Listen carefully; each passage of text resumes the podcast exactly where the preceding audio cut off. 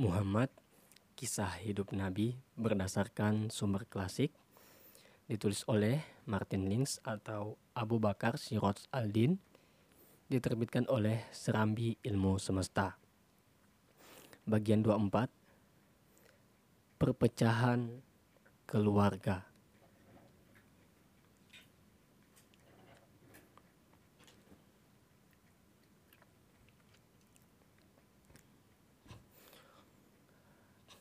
Tolib dan Akil, putra-putra Abu Tolib yang putra-putra Abu Tolib yang lebih tua tidak mengikuti jejak saudara-saudara mereka yang lebih muda, yakni Jafar dan Ali.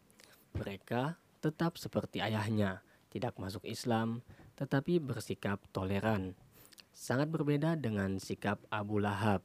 Sejak konfrontasi terakhir dengan para pemuka Quraisy, ia terang-terangan, ia terang-terangan menunjukkan sikap permusuhannya. Begitu pula istrinya, Ummi Jamil, saudara perempuan Abu Sofyan, pemimpin Abdul al-Syams yang memendam kebencian kepada Nabi. Mereka memaksa kedua anak mereka untuk menceraikan Rukayyah dan Ummi Kalsum. Tidak dapat dipastikan kapan pernikahan itu berlangsung atau apakah mereka masih dalam taraf pertunangan. Namun, rasa puas Umi Jamil atas perceraian ini pudar ketika ia mendengar keponakannya yang kaya raya dari Bani Umayyah, Utsman ibnu Affan, telah meminang Rukayyah dan menikahinya. Pernikahan ini sangat membahagiakan Nabi dan Khadijah, putri mereka. Bahagia dan menantunya itu tidak hanya setia kepada istrinya, tetapi juga kepada mereka. Ada hal lain juga ada hal lain yang juga membuat mereka bersyukur. Rukayyah adalah putri mereka yang paling cantik dan wanita tercantik pada masanya di seluruh Mekah dan Usman pria yang sangat tampan. Melihat mereka berduaan merupakan suatu kebahagiaan. Allah itu indah dan mencintai keindahan. Tak lama ke, tak lama setelah mereka menikah dan saat keduanya tidak berada di Mekah, Nabi mengutus seseorang menemui mereka, dan orang itu kembali lebih lama dari yang diperkirakan. Ketika ia mulai mengajukan permohonan maaf, Nabi memotongnya.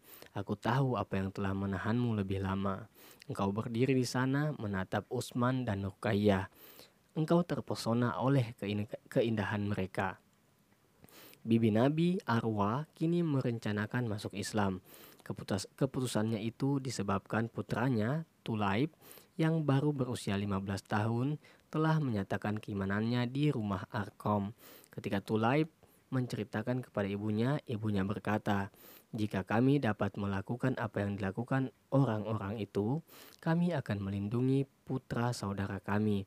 Namun, Tulaib menolak ketidakjelasan sikap semacam itu dan berkata, "Apa yang menghalangimu untuk masuk Islam dan mengikuti Nabi? Saudaramu Hamzah telah masuk Islam." Ketika ibunya beralasan hendak menunggu saudara-saudara perempuannya, Tulaib memotong perkataannya, "Demi Allah, aku memohon agar engkau pergi dan memberikan salam kepada Nabi. Katakan bahwa engkau mempercayainya dan bersaksi bahwa tiada Tuhan selain Allah." Arwah melakukan apa yang diucapkan anaknya itu. Setelah melakukannya, ia berani menentang perlakuan saudaranya Abu Lahab terhadap keponakan mereka. Mengenai kerabat Khadijah, tak lama setelah Islam tersebar di Mekah, saudara tirinya Naufal menjadi musuh Islam yang paling jahat dan kejam. Namun, hal itu tidak menghalangi putranya Aswad untuk masuk Islam, sehingga Khadijah dibenci oleh Naufal. Namun, yang sangat mengecewakan Khadijah, keponakannya yang tersayang Abu al-As dari Bani Abdul al-Syams yang telah beberapa tahun menjadi menantunya belum masuk Islam, sementara istrinya Zainab telah memeluk Islam. Kini ia didesak para pemimpin kabilahnya untuk menceraikan istrinya itu. Bahkan mereka menyarankan agar ia mencari wanita yang terkaya, terbaik nasabnya dan tercantik di Mekah. Mereka berjanji akan berusaha menyelenggarakan pernikahan tersebut asalkan Zainab dicerai. Namun, Zainab dan Abu Al-As saling mencintai. Zainab senantiasa berharap dan berdoa agar suaminya mau bergabung dengannya dalam Islam. Sementara Abu Al-As dengan tegas mengatakan kepada kaumnya bahwa dirinya telah mendapatkan istri pilihannya dan tidak menginginkan yang lain. Hakim keponakan Hadijah yang lain, putra saudaranya Hizam yang hampir 20 tahun lalu memberinya Zaid sebagaimana Abu Al-As tetap bersiraturahmi dengan bibinya dan keluarganya sekalipun belum berpaling dari Tuhan-Tuhan yang disembah kaum Quraisy. Sementara Khalid, saudara Hakim, telah masuk Islam. Sesungguhnya engkau tidak dapat memberi petunjuk orang yang engkau cintai, tetapi Allah lah yang memberi petunjuk kepada siapa yang dikehendakinya. Quran ke-28 ayat 56. Kebenaran yang dinyatakan ayat ini terus-menerus diulang dalam Al-Quran. Kendatipun wahyu semacam itu membantu meringankan beban rasa tanggung jawab Nabi, hal itu tetap tidak menepis rasa sedih atas permusuhan sepupunya, Abdullah dari Bani Makhzum. Kasus lain yang barangkali lebih menyedihkan beliau adalah Abu Sufyan, anak pamannya, Haris. Ia juga saudara angkat sepupu dan pernah menjadi temannya. Beliau berharap Abu Sufyan mau menerima dakwahnya. Namun sebaliknya, justru memicu perpecahan di antara mereka. Lama-lama, Abu Sofyan kian menjauh, mungkin karena dipengaruhi paman mereka, Abu Lahab. Beberapa hal lain membuktikan kebenaran ayat di atas. Jejak keislaman Abu Bakar telah diikuti istrinya, Ummi Ruman, juga oleh Abdullah dan Asma, putra dan putrinya dari almarhum istrinya yang lain. Umurama, Umuruman baru saja melahirkan putri keduanya yang dinamai Aisyah. Ia seperti putra Zaid, Usama menjadi anak-anak pertama yang lahir dalam Islam. Namun, meskipun telah membuat banyak orang masuk Islam, Abu Bakar tidak dapat menundukkan anak sulungnya sendiri, Abdul Al-Kabbah, yang menentang agama kedua orang tuanya itu. Jika kaum mukmin diliputi kekecewaan, Musuh mereka merasa sangat gusar berhadapan dengan kenyataan baru yang kehadirannya tidak diperhitungkan di Mekah. Sebuah kenyataan yang mengancam runtuhnya cara hidup mereka dan menghancurkan semua proyek masa depan mereka, terutama yang berkaitan dengan rencana pernikahan anak mereka. Bani Makzum merasa senang ketika seorang warganya Abdullah menentang keras sepupunya Muhammad di dalam majelis. Saudara Abdullah Zuhair meskipun kebenciannya tidak terlalu besar terhadap agama baru itu juga tidak mau masuk Islam. Seperti Abdullah ia adalah putra Atika, putri Abdul Al-Muttalib. Namun almarhum ayah mereka memiliki istri kedua yang juga bernama Atika. Dengan istri ini ia mempunyai seorang anak perempuan. Hindun nama anak itu adalah wanita cantik jelita yang kini berumur 19 tahun dan baru-baru ini menikah dengan sepupu saudara tirinya Abu Salamah dari Bani Makzum.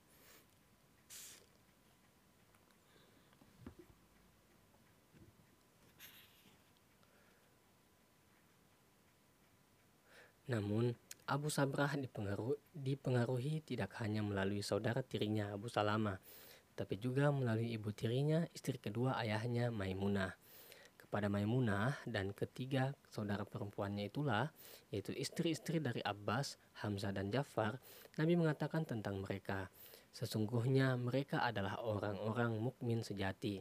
Pernikahan Maimunah membawa pengaruh munculnya iman yang kuat di kalangan Bani Amir. Suhail memiliki putri lain, Sahlah, yang menikah dengan Abu Hudais Abu Hudzaifah putra pemimpin Bani Abdul Al-Syams, Utbah.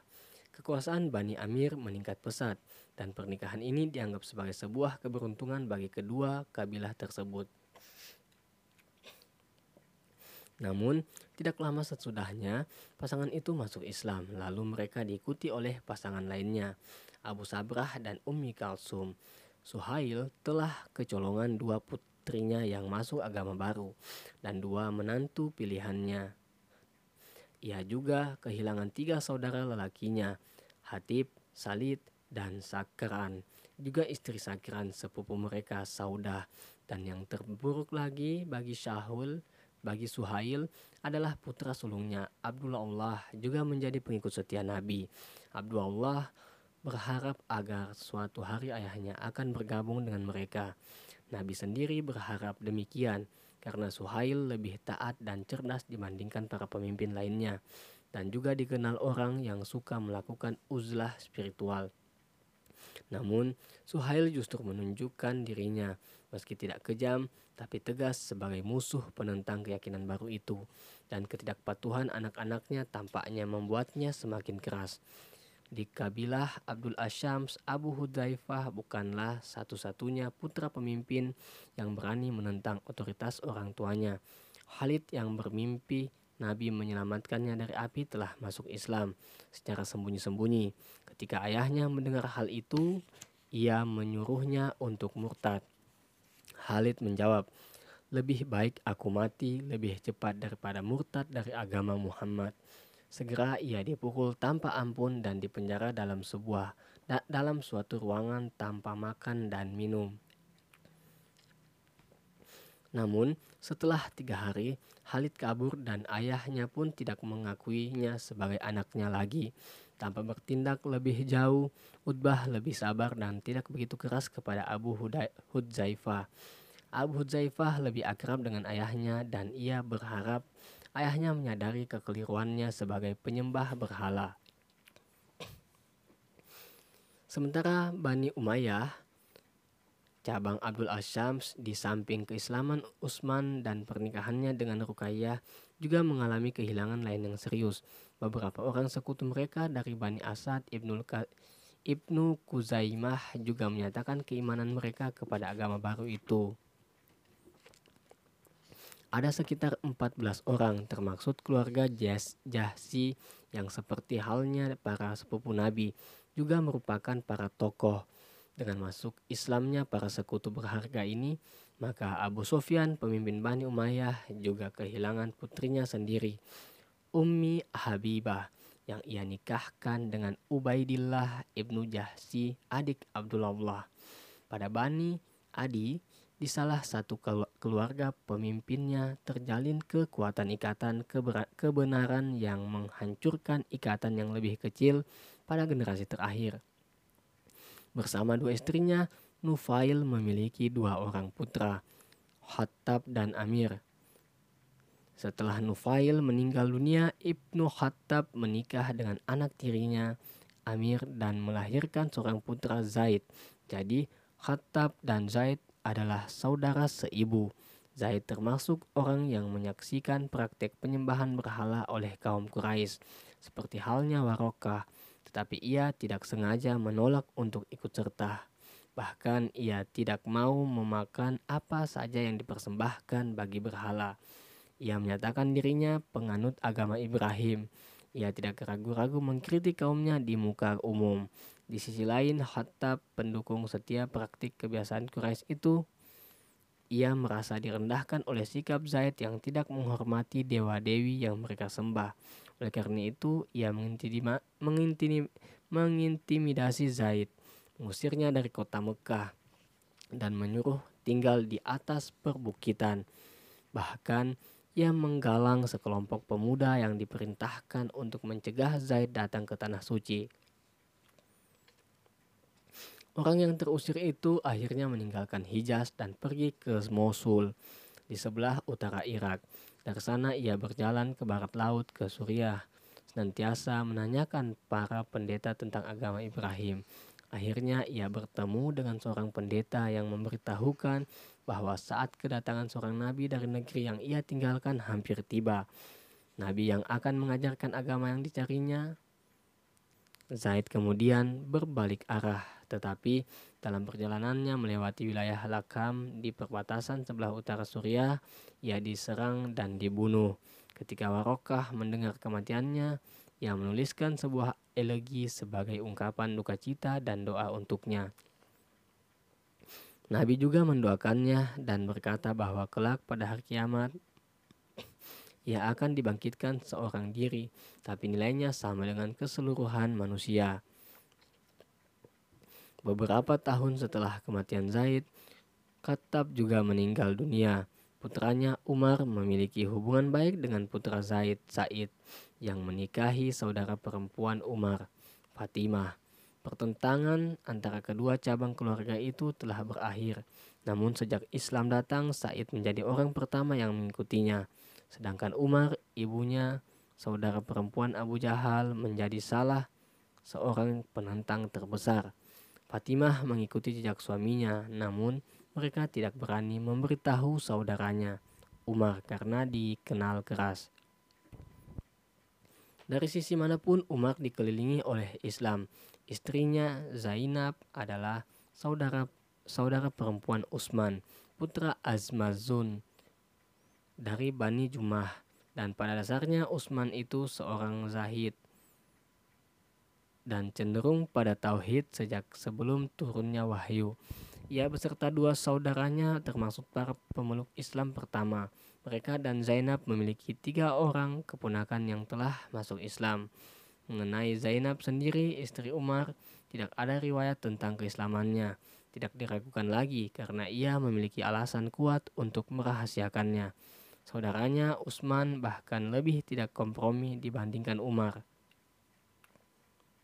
Tetapi ia tidak begitu keras. Zainab dan saudaranya adalah adik sepupu pemimpin kabilah mereka. Umayyah ibnu Khalaf, salah seorang musuh Islam terbesar. Saudaranya Ubay suatu hari membawa tulang busuk kepada Nabi dan berkata, Muhammad, buktikan bahwa Tuhanmu dapat menghidupkan tulang ini. Dengan senyum sinis, ia lantas meremuk remukan tulang itu dan melemparkannya ke wajah Nabi.